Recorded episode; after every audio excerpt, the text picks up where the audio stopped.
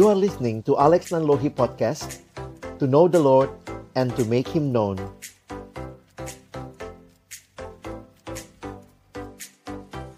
Mari teman-teman, sebelum kita membaca merenungkan firman Tuhan, kita berdoa. Kami kembali datang dalam ucapan syukur malam hari ini. Terima kasih karena anugerah Tuhan saja yang memungkinkan kami bersekutu, memuji, memuliakan namamu. Dan tiba waktunya bagi kami ya Tuhan untuk membuka firman-Mu. Kami mohon ketika kami membuka firman-Mu, bukalah juga hati kami Jadikanlah hati kami seperti tanah yang baik. Supaya ketika benih firman Tuhan ditaburkan itu boleh sungguh-sungguh berakar, bertumbuh, dan juga berbuah nyata di dalam kehidupan kami. Berkati baik hambamu yang menyampaikan dan setiap kami yang mendengar, Tuhan tolonglah kami semua.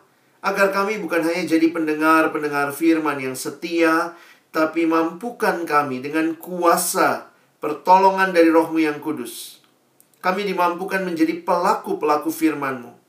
Di dalam hidup kami, di dalam masa muda kami. Bersabdalah ya Tuhan, kami anak-anakmu sedia mendengarnya dalam satu nama yang kudus, nama yang berkuasa, nama Tuhan kami Yesus Kristus. Kami menyerahkan pemberitaan firman-Mu. Amin. Shalom, selamat malam. Eh, teman-teman uh, yang dikasih dalam Tuhan Yesus Kristus, pertama-tama saya bersyukur kesempatan seperti ini walaupun kita terpisah secara jarak tetapi di dalam anugerah Tuhan boleh berkumpul, boleh bersekutu melalui Zoom meeting seperti ini. Nah, kita akan sama-sama belajar kebenaran firman Tuhan malam hari ini dan uh, sebagaimana tema yang diberikan kepada kita dipanggil untuk mengasihi. Ya, teman-teman, saya coba share slide sebentar. Jadi malam hari ini kita sama-sama akan melihat ya bagaimana ini keunikan di dalam kekristenan. Kalau orang ditanya Kristen itu semboyannya apa? Wah kasih ya. Nah eh, bagian ini penting untuk kita renungkan sama-sama. Dipanggil untuk mengasihi ya. Nah, saya ingin mulai dengan mengajak kita diskusi sebentar, boleh sharing juga ya. Tapi eh, pikirkan dulu ya. Saya minta tolong pikirkan dulu. Jadi saya nggak minta tuliskan, pikirkan ya. Nah, apa yang kira-kira muncul di pikiran saudara ketika mendengar istilah persekutuan atau komunitas? Ya, jadi coba pikir sebentar apa yang muncul di benakmu, di pikiranmu ketika mendengar istilah persekutuan ataupun istilah komunitas. Oke? Pikir dulu ya. Oke, uh, saya jadi pengen ajak kita ini sebentar ya. Uh, coba share sebentar. Um, nah, maaf ya ngerepotin teman-teman sebentar. Yuk masuk ke Menti sebentar. Kalau teman-teman bisa masuk menti.com. Kodenya 4557811 um, dari yang kita pikirkan tadi um, mungkin ada beberapa hal ya tapi coba sebutkan minimal tiga hal yang muncul di benak saudara ketika mendengar istilah uh, persekutuan atau komunitas ya di 4557811 www.menti.com Silakan kita tunggu sama-sama ya apa saja yang muncul di benak teman-teman kalau mendengar istilah persekutuan, komunitas, apa yang muncul di benakmu? Boleh satu kata, boleh satu frasa, jadi eh, nggak mesti kata ya. Tapi kita nggak sedang memberikan definisi yang panjang. Oke, okay. thank you. Bertumbuh, sister, brother in Christ, sharing, berbagi, sahabat, ngumpul, tempat bertumbuh. Oke, kebersamaan anak Tuhan, eh, kumpulnya anak Tuhan, pertemuan, sharing. Oke, silakan. Wah, Komisi Pemuda Pemurnian. Oke, keluarga. Good point. Oke, jadi yang lebih besar itu nampaknya lebih banyak atau beberapa menggunakan jadi kalau lebih banyak yang uh, ngetik lebih besar tulisannya bertumbuh jadi bertumbuh kebersamaan perkumpulan oke baik udah sebagian besar kita mengisi thank you ya ada 38 partisipan yang sudah masuk sekarang 21 oke teman-teman Uh, ini kira-kira gambaran yang muncul kalau kita bicara persekutuan yang muncul dalam benak teman-teman gitu ya. Thank you. Sorry kita nggak bisa terus-terusan di sini ya. Jadi um, kalian stop share dulu. Nah, ada hal yang menarik di dalam kehidupan kita karena bicara tentang komunitas persekutuan, saya pikir kita selama hidup tidak bisa lepas dari hal ini. Dalam banyak uh, peribahasa yang ada di banyak budaya, salah satunya ada American, uh, sorry African proverb ya. Dia mengatakan begini, If you want to go fast, go alone. If you want to go far, go together. Ya, Nah, ini katanya African proverb ya, jadi ini lebih kontekstual nih. Ada African ladies ya. If you want to go fast, go alone. If you want to go far, go together. Ini mau menyatakan bagaimana sebenarnya yang namanya persekutuan itu ada ada ada magic things di dalamnya gitu ya. Di mana kita saling menguatkan, saling Eh, kebersamaan itu seperti yang teman-teman bilang juga gitu ya. Kebersamaan persekutuan um, sharing begitu. Itu menjadi kesempatan untuk kita juga saling menguatkan satu sama lain. Nah apalagi buat kita yang adalah komunitas anak-anak Tuhan.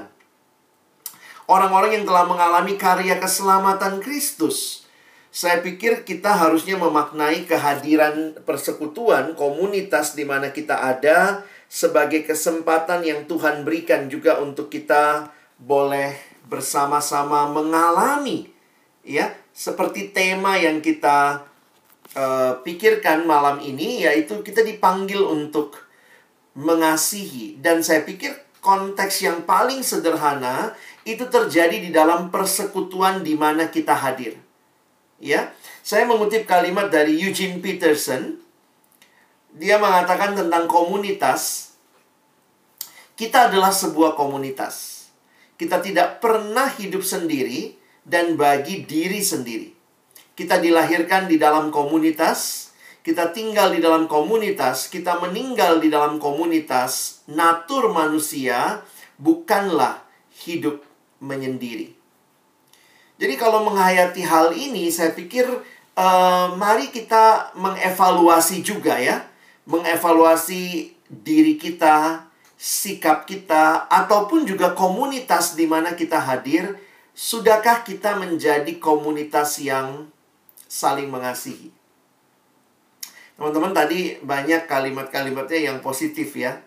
Tapi ketika satu waktu saya pernah memberikan uh, pertanyaan yang sama di kon uh, di di acara yang lain di di gereja yang lain, ada yang menuliskan begini ya. Komunitas itu, persekutuan itu dia tulisnya kepo. ya. Saya nggak tahu nih, apakah maksudnya ini kepo yang positif, memang benar mau tahu, care, seperti teman-teman tadi pakai istilah sharing begitu ya. Ataukah cuma sekedar kepo? Kepo yang cuma pengen tahu, kepo yang cuma sekedar ya udah, uh, mungkin enak jadi bahan pembicaraan, dan tidak sedikit orang yang punya pengalaman yang buruk dengan persekutuan. Jadi, kembali saya katakan bahwa di tengah-tengah kita bicara kasih, saya pikir seharusnya persekutuan, komunitas, ya, seperti pemuda yang teman-teman nikmati, harusnya menjadi tempat di mana we exercise the love. To love one another. Kenapa? Ya karena kita memang dipanggil untuk mengasihi.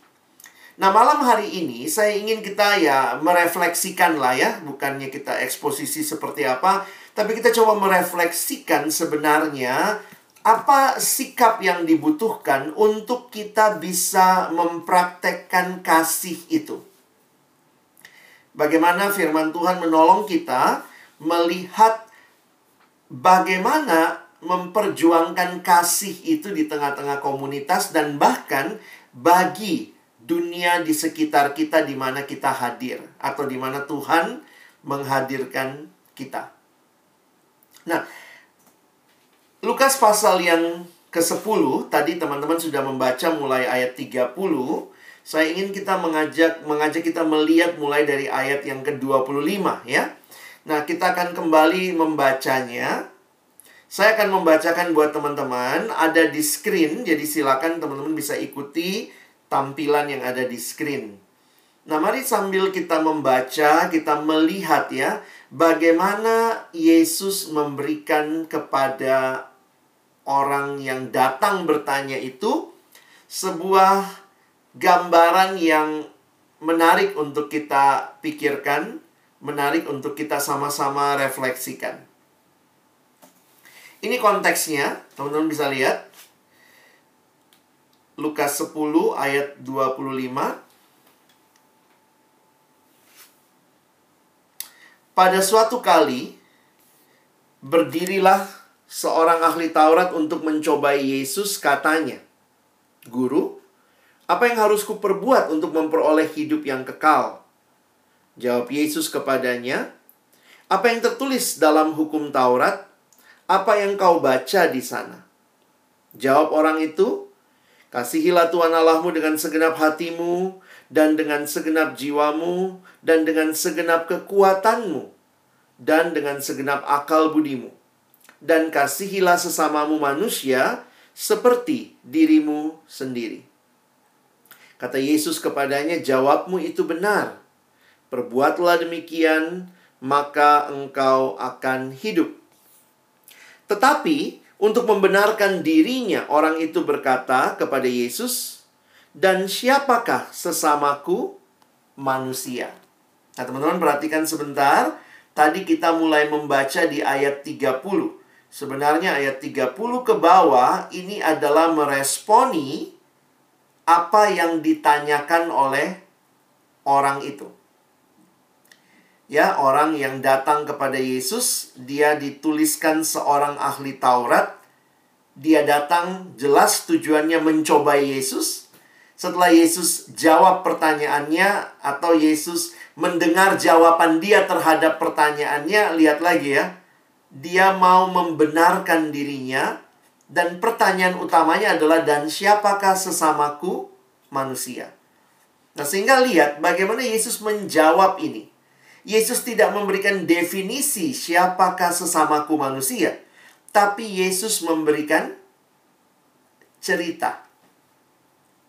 Jawab Yesus, ada seorang yang turun dari Yerusalem ke Yeriko. Kalau kita lihat jaraknya itu 28 km. Ya, walaupun ini cerita, tapi Yesus menggunakan uh, gambaran yang gambaran yang real maksudnya ya.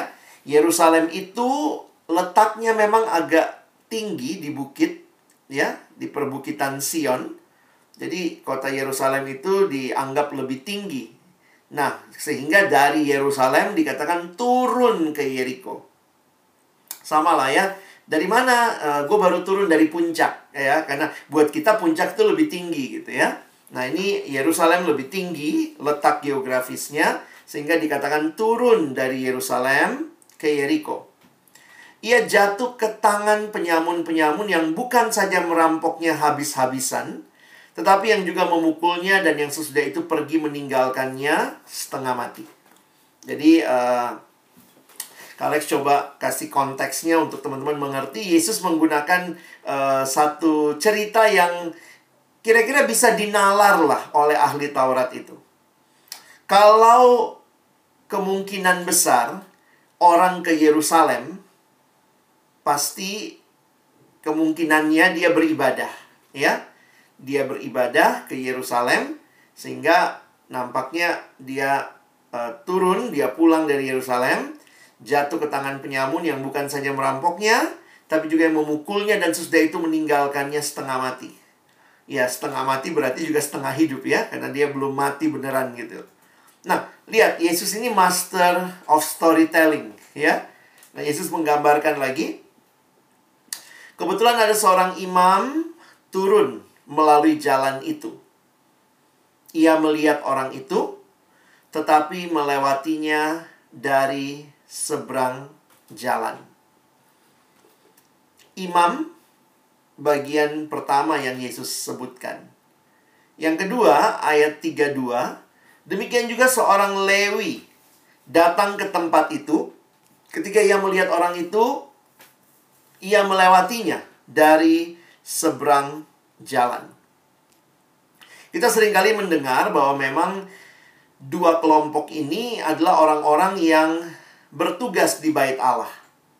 Dan hukum ritualnya Yahudi itu sangat strict dengan orang mati.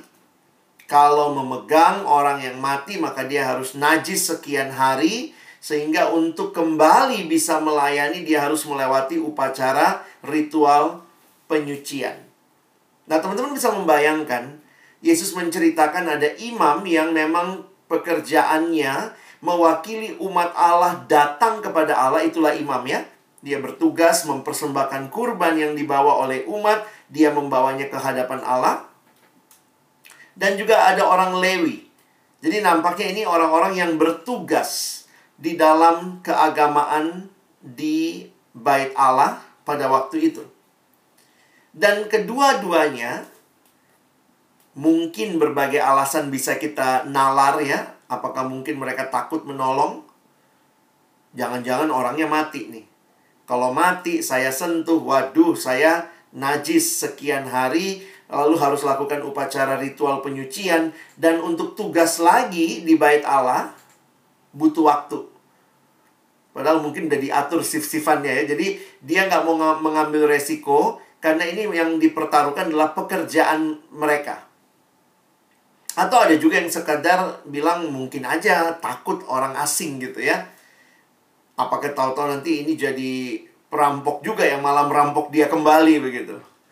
Nah, tapi uh, apa pun alasannya, yang jelas kedua golongan ini yang sebenarnya golongan agamawi, orang-orang yang dekat dengan kehidupan keagamaan imam, orang Lewi, mereka tidak menolong dan dituliskan melewatinya dari seberang jalan.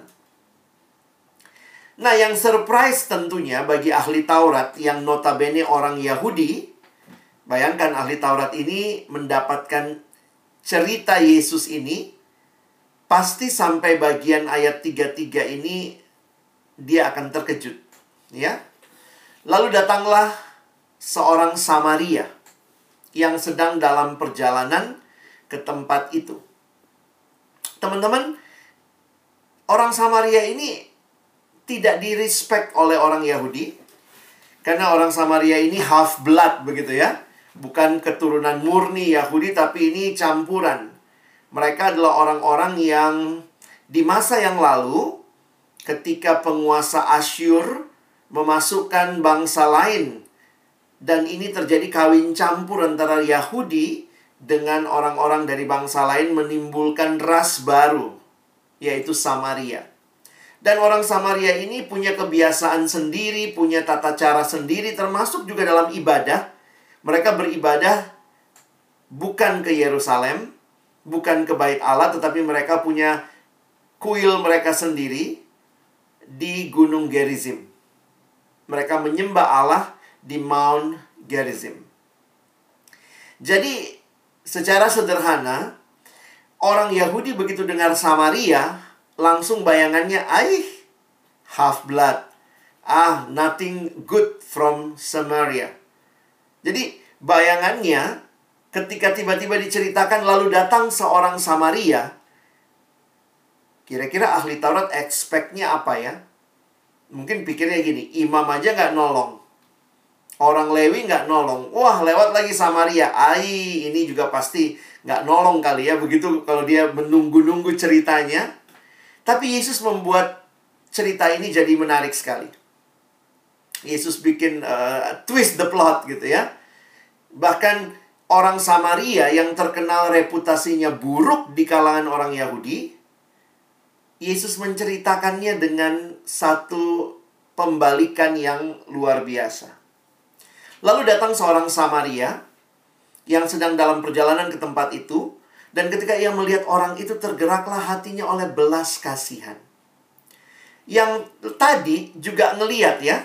Teman-teman lihat kata yang sama. Melihat orang itu. Jadi bukannya nggak lihat. Ya. Bukannya nggak lihat. Dia lihat. Lalu lihat ayat 32. Orang Lewi itu juga lihat juga. Ya. Tapi orang Samaria melihatnya. Lalu hatinya tergerak oleh belas kasihan. Lalu apa yang terjadi? Ia pergi kepadanya, lalu membalut luka-lukanya sesudah ia menyiraminya dengan minyak dan anggur. Itu desinfektan waktu itu kali ya. Menyirami dengan minyak dan anggur, kemudian menaikkan orang itu ke atas keledai tunggangannya sendiri. Secara logika, kalau orang ini dia naikkan ke keledai tunggangannya, dia ya mungkin jalan kaki. Nah, kalau keledai itu kan cenderung lebih kecil dari kuda ya dua orang itu pasti menderita keledainya ya.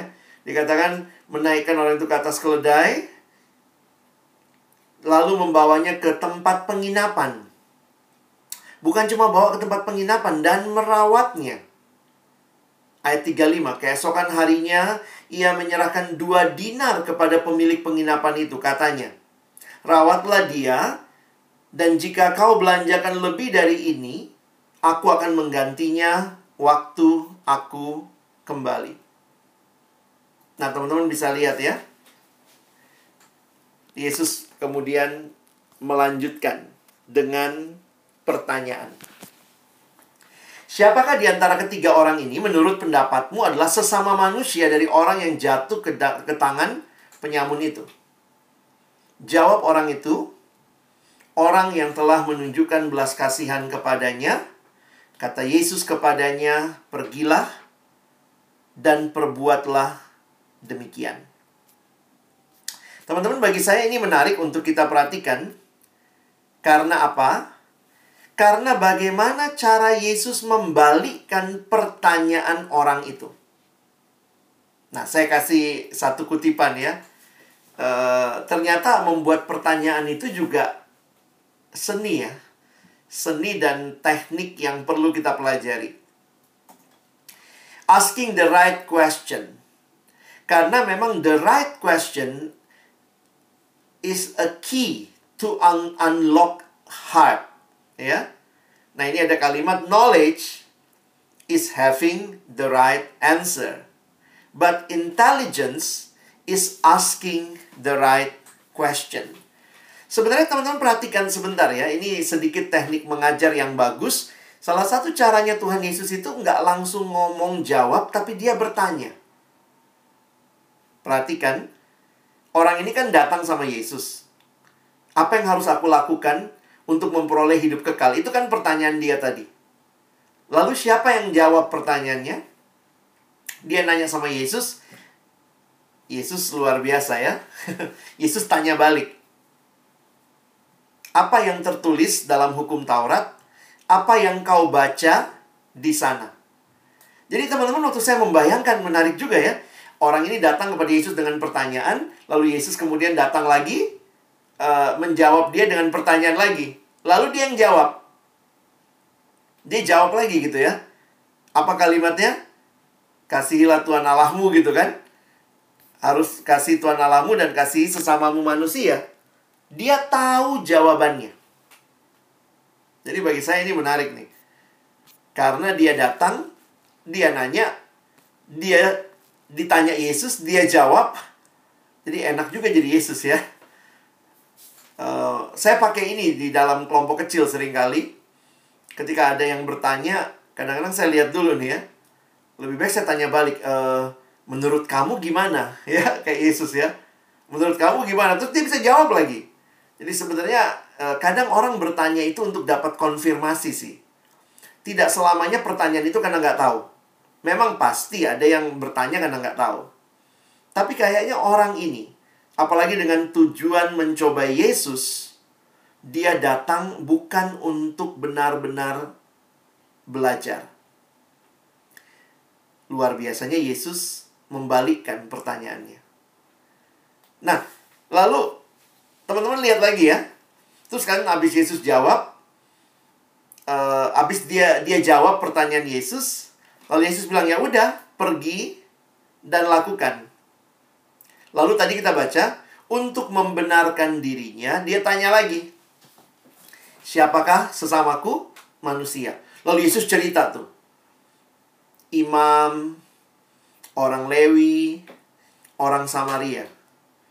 Menariknya lagi di ayat 36, Yesus tanya lagi, Ingat ya, dia datang dan nanya, siapa sesamaku manusia? Yesus menjawab lagi dengan pertanyaan. Jadi Tuhan Yesus nggak bilang, sesamaku manusia, sesamamu manusia adalah satu, dua, tiga. Bukan. Yesus menjawabnya dengan menanyakan. Setelah dengar ceritaku, siapa di antara ketiga orang ini menurut pendapatmu adalah sesama manusia dari orang yang jatuh ke tangan penyamun itu. Dan teman-teman kalau kalian melihat tadi jawabannya, harusnya kan kalau dia dengar cerita baik-baik, dia bisa dong jawab e, Samaria gitu ya. Tapi saking kudusnya mulut dia untuk ngomong Samaria, masih ingat jawabannya tadi? Kalimatnya apa? Orang yang telah menunjukkan belas kasihan kepadanya sampai nggak mau ngomong Samaria kayaknya gitu ya. Dan bagi saya ini unik sekali untuk melihat bagaimana Tuhan Yesus memberikan pertanyaan yang tepat. Perhatikan teman-teman ya. Ahli Taurat ini menanyakan objek. Siapa sesamaku manusia? Yang mana saja sesamaku? Tapi Yesus jawabnya, dia bertanya, Yesus menanyakan subjek. Siapakah di antara ketiga orang ini menurut pendapatmu adalah sesama manusia dari orang yang jatuh ke tangan penyamun itu? Teman-teman bisa bedain? Yang pertama, ahli Taurat itu nanyanya yang mana saja nih sesama manusia. Karena dia sedang berpikir, siapakah yang harus aku kasihi? Yang mana? Yang mana? Sementara Yesus ketika menjawab dengan pertanyaan ini, membalik pertanyaan ini. Bukannya siapa yang harus kamu kasihi, tapi, nah ini kesimpulan saya, Inti pengajaran Yesus melalui kisah ini bukanlah mempertanyakan siapa saja yang merupakan sesama manusia bagiku, tetapi jadilah sesama manusia bagi orang lain. Bukan siapa, siapa saja, bukan siapa saja yang merupakan sesama manusia, itu pertanyaan objek. Tetapi Yesus menjawab dengan membalikkan, "This is not about who's the object, tapi subjeknya itu kamu. Yang harusnya kamu jadilah sesama manusia bagi orang lain. Teman-teman, saya saya ingin kita belajar malam hari ini mengasihi sesama itu. Semoga kita nggak terjebak dalam pertanyaannya si Farisi. Sorry, si ahli Taurat ya. Kadang-kadang kita terjebak dengan mendefinisikan yang mana saja nih yang harus saya kasihi, yang mana nih, yang mana nih. Sampai kita lupa bahwa kehadiran kita sebagai orang yang mengalami kasih Tuhan, telah mengalami kasih Tuhan harusnya menjadi orang yang hadir dan mengasihi sesama. Kita tidak dipanggil untuk mengasihi kelompok tertentu, orang-orang tertentu, tetapi kita dipanggil untuk menjadi orang yang meng meneruskan kasih Kristus yang kita alami. Jadilah sesama bagi orang lain. Dan yang menarik kalau kalian perhatikan, sebenarnya orang ini tahu jawabannya. Sekali lagi, terlihat jelas dia mencoba Yesus, lalu dia berusaha membenarkan diri. Kan itu kalau lihat dari cara Yesus menjawab, menarik juga ya. Ayat 28, Jawabanmu itu benar. Perbuatlah demikian maka engkau akan hidup. Ayat 37, waktu dia jawab, siapakah sesama? Oh orang yang telah menunjukkan belas kasihan. Kata Yesus kepadanya, pergilah. dan perbuatlah demikian. Jadi kadang-kadang masalahnya bukan di masalah konsep. Masalahnya adalah tidak melakukan apa yang dipahami. Nah, ini juga masalah banyak dari kita sekarang ya. Kita tahu sih harus mengasihi semua manusia, tapi ya kita belum melakukannya dengan penuh kesadaran, dengan penuh uh, hati yang benar-benar belajar mengasihi. Kenapa? Karena mungkin kita juga masih sangat egois. Kita masih sangat fokus kepada diri kita. Dan itu tercermin dari pertanyaan sebenarnya ya. Coba lihat lagi nih. Ada yang coba membuatnya pakai model sentripetal sentrifugal. pertanyaan siapakah sesamaku? Itu pertanyaan sentripetal. Maksudnya berpusat pada diri saya siapa aja sesamaku ya. Tapi pertanyaan, apakah aku telah menjadi sesama bagi orang lain? Itu pertanyaan sentrifugal yang fokusnya bukan kepada diri saya, tapi kepada saya sudah jadi apa buat yang lain. Jadi teman-teman, ya pemahaman ini harus membingkai panggilan mengasihi kita. Tuhan telah menyatakan kasihnya ketika engkau dan saya terima Yesus percaya kepada dia sebagai satu-satunya Tuhan dan Juru Selamat, berarti kita sudah mengalami kasih yang dari Tuhan. Sehingga sekarang bagian kita adalah apakah kita telah menjadi sesama? Apakah kita telah mengasihi orang-orang di sekitar kita? Bukan mempertanyakan yang mana yang harus aku kasihi, tapi mempertanyakan sudahkah aku jadi sesama bagi orang lain. What is a good human? Mungkin kalimat ini jadi pertanyaan jadi menarik ya. Dalam kutipan yang saya baca dibilang gini, a good human is someone who knows where the humans around them are at. Manusia yang baik adalah manusia yang tahu di mana manusia lain yang ada di sekitar mereka. Dan ini juga yang kalau kita perhatikan di Alkitab, ketika Tuhan bertanya sama Kain, ya kalimatnya Tuhan sama Kain di kejadian, Where is your brother Abel? I don't know, he replied.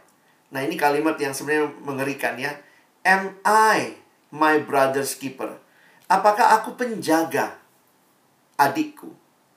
Nah, teman-teman, kalau kita sudah melihat tadi ya, apa yang terjadi dengan cerita yang Yesus sampaikan, ada banyak orang yang melihat, tapi tidak semua yang melihat benar-benar punya panggilan yang mengasihi bagi sesamanya.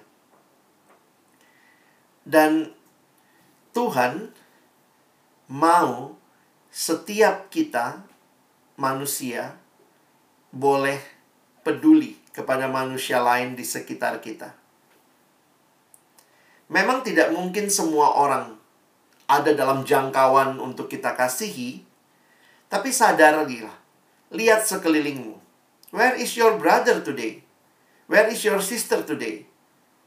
Are we thinking that someone else will care for them?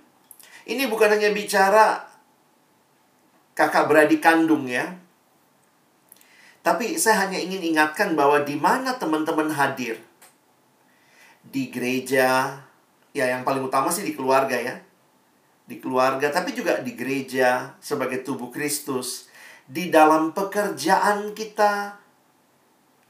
Tuhan mempercayakan kita untuk bertanggung jawab untuk care kepada mereka.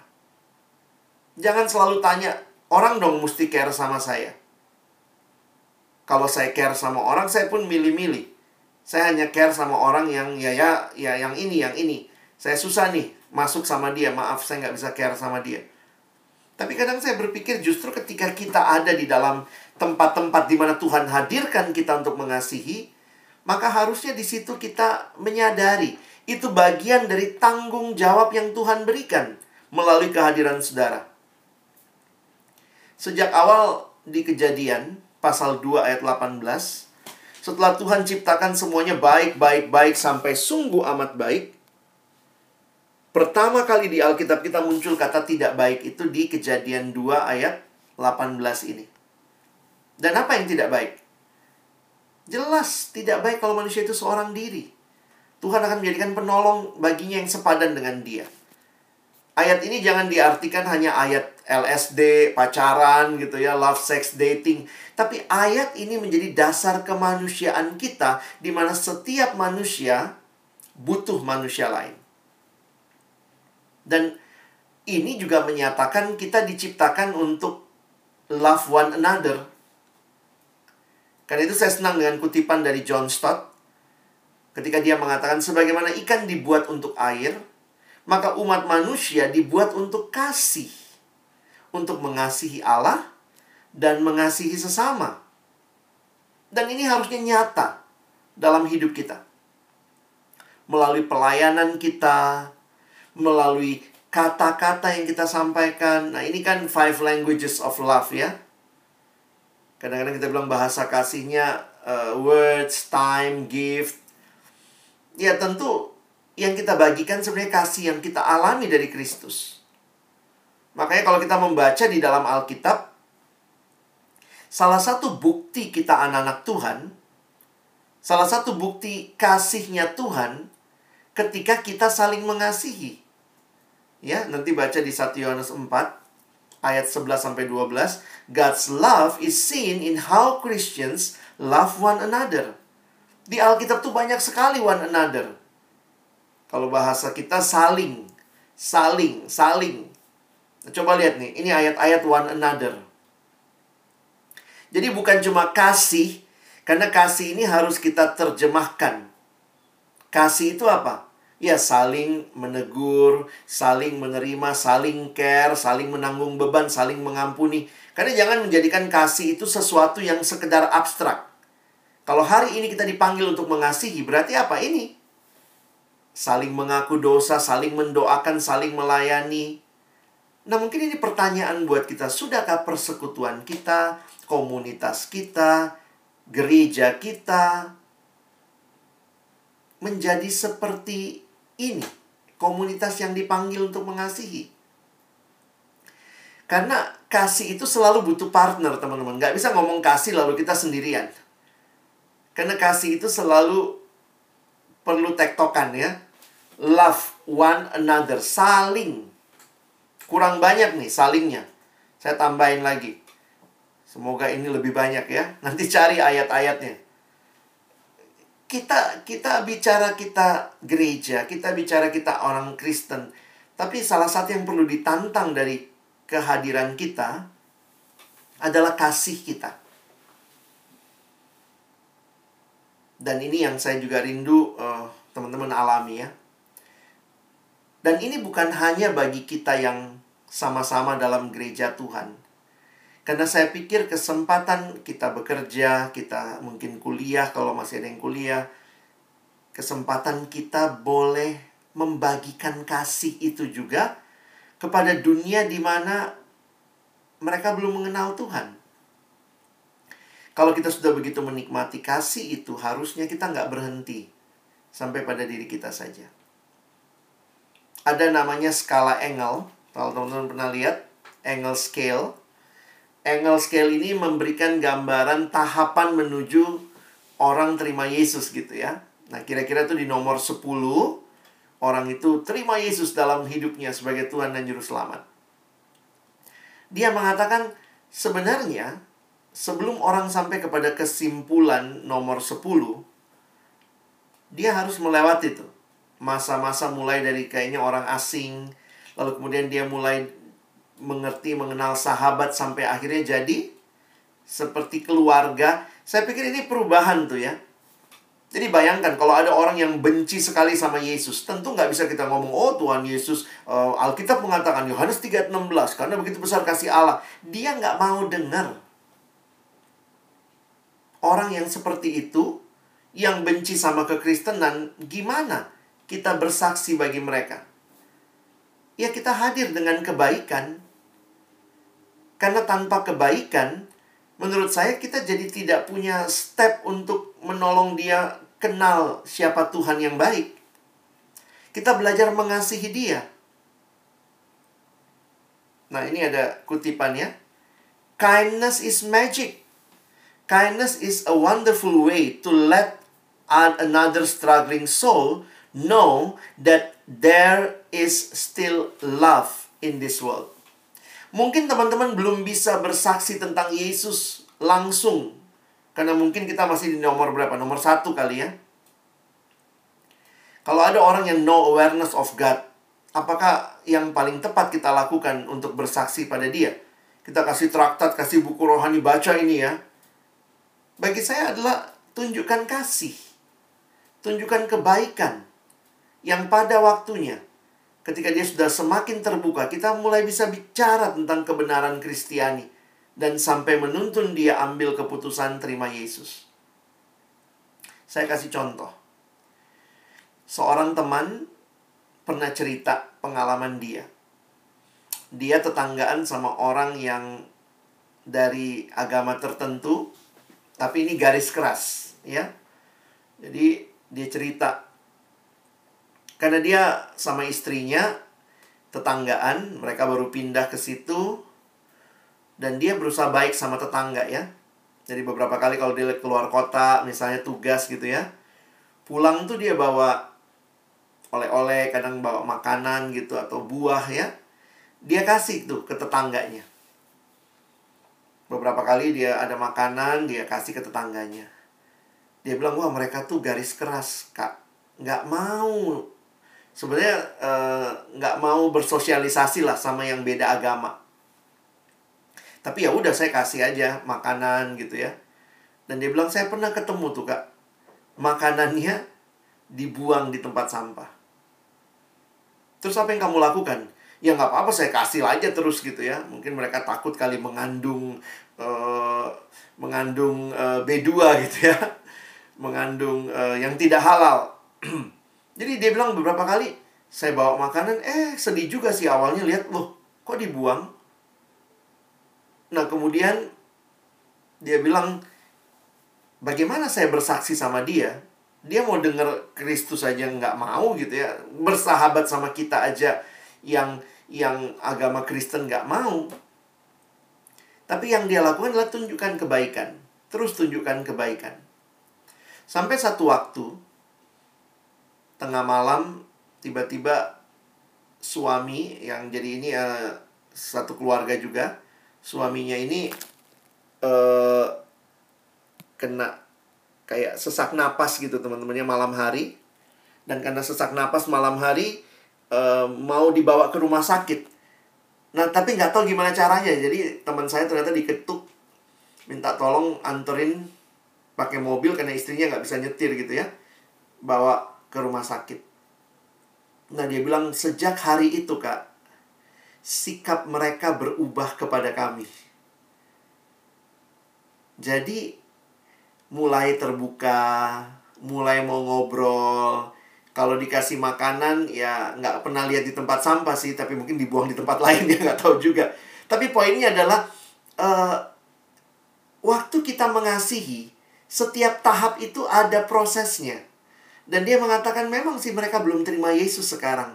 Tapi kami terus belajar mengasihi, kami terus jadi sahabat bagi mereka. Kami terus sebagai tetangga yang baik. Dan itu bagian dari kasih yang peduli dengan sekitarnya dan kemudian berdoa supaya dalam anugerah Tuhan mereka satu waktu kelak di waktunya Tuhan mereka percaya sebagai kepada Yesus sebagai Tuhan dan juru selamat. Bagian kita adalah siap sedia. Kapan dia udah siap dengar berita itu kita beritakan. Tapi kalau dia mungkin belum siap, dia masih menolak, kita lihat cara dia penolakan maka bagian kita adalah jadi sahabat, mendoakan, berbuat baik. Dan bagi saya ini panggilan Tuhan buat kita. Untuk menjadi orang-orang yang care kepada orang-orang yang ada di sekitar kita. Saya tutup dengan pertanyaan ini. Satu waktu Santo Agustinus ditanyakan, bagaimana bentuk dan rupa kasih itu? Lalu Agustinus menjawab, Kasih memiliki tangan untuk menolong orang lain. Kasih memiliki kaki untuk menghampiri mereka yang miskin. Kasih memiliki mata untuk melihat kebutuhan-kebutuhan orang lain. Kasih memiliki telinga untuk mendengar rintihan mereka yang menderita. Demikianlah rupa kasih. Kiranya malam hari ini ketika kita sudah dengar firman Tuhan, kita dipanggil untuk mengasihi. Bukan hanya orang-orang yang ada di lingkungan kita saja. Mereka yang juga sudah Kristen, sudah kenal Yesus. Kita praktekkanlah ketersalingan itu, one anotherness itu. Kita perjuangkan jadi komunitas yang benar-benar hadir saling mengasihi. Tapi juga jangan lupa, ada orang-orang di luar sana yang belum kenal Tuhan. Mari terus bersaksi terus hidup menyatakan kebaikan, kasih yang tulus, bersahabat dengan mereka. Dalam anugerah Tuhan, biarlah lagu yang kita nyanyikan tadi benar-benar mewujud nyata. Berikanku hati seperti hatimu. Berikanku tangan seperti tanganmu. Berikanku kaki seperti kakimu. Biarlah itu bukan cuma lagu, tapi kita bawa dalam hidup kita. Kitalah perpanjangan kasih Allah, kasih Yesus kepada dunia ini. Amin. Mari kita berdoa. Tuhan terima kasih buat firman-Mu, setiap kebenaran yang memerdekakan hati kami. Kami dipanggil untuk mengasihi karena kami telah mengalami kasih itu. Dan biarlah kami membagikannya di dalam persekutuan kami, kami perjuangkan bukan sekadar persekutuan tanpa kedalaman kasih, tapi benar-benar kasih menjadi nyata. Dan bahkan juga bagi lingkungan di sekitar kami, orang-orang yang belum kenal Tuhan, mungkin di pekerjaan kami, di perkuliahan kami, di tetangga kami, di sekitar kami, orang-orang yang membantu kami di rumah, yang mereka belum kenal Tuhan, biarlah kami pun hadir menyatakan Kristus melalui hidup kami, menyatakan kasih Tuhan dengan kebaikan, dengan perkataan yang memuliakan Tuhan, dengan perkataan yang membangun orang. Dan pada waktunya Tuhan pakailah semua itu menjadi alat kasih karuniamu memperkenalkan dirimu kepada mereka ya Tuhan. Terima kasih. Kami terus mohon hati seperti hatimu untuk kami bisa melayani dunia ini. Terima kasih Tuhan. Tolong kami bukan cuma jadi pendengar firman, jadikan kami pelaku-pelaku firman-Mu. Khususnya di tengah-tengah anak muda yang sering kali tidak peduli dengan sekitarnya. Kami dipanggil untuk melihat. Tapi bukan hanya melihat, juga bertindak dengan belas kasihan. Seperti yang kami baca, yang kami renungkan. Kami sekali lagi bersyukur dalam nama Yesus kami sudah berdoa. Amin.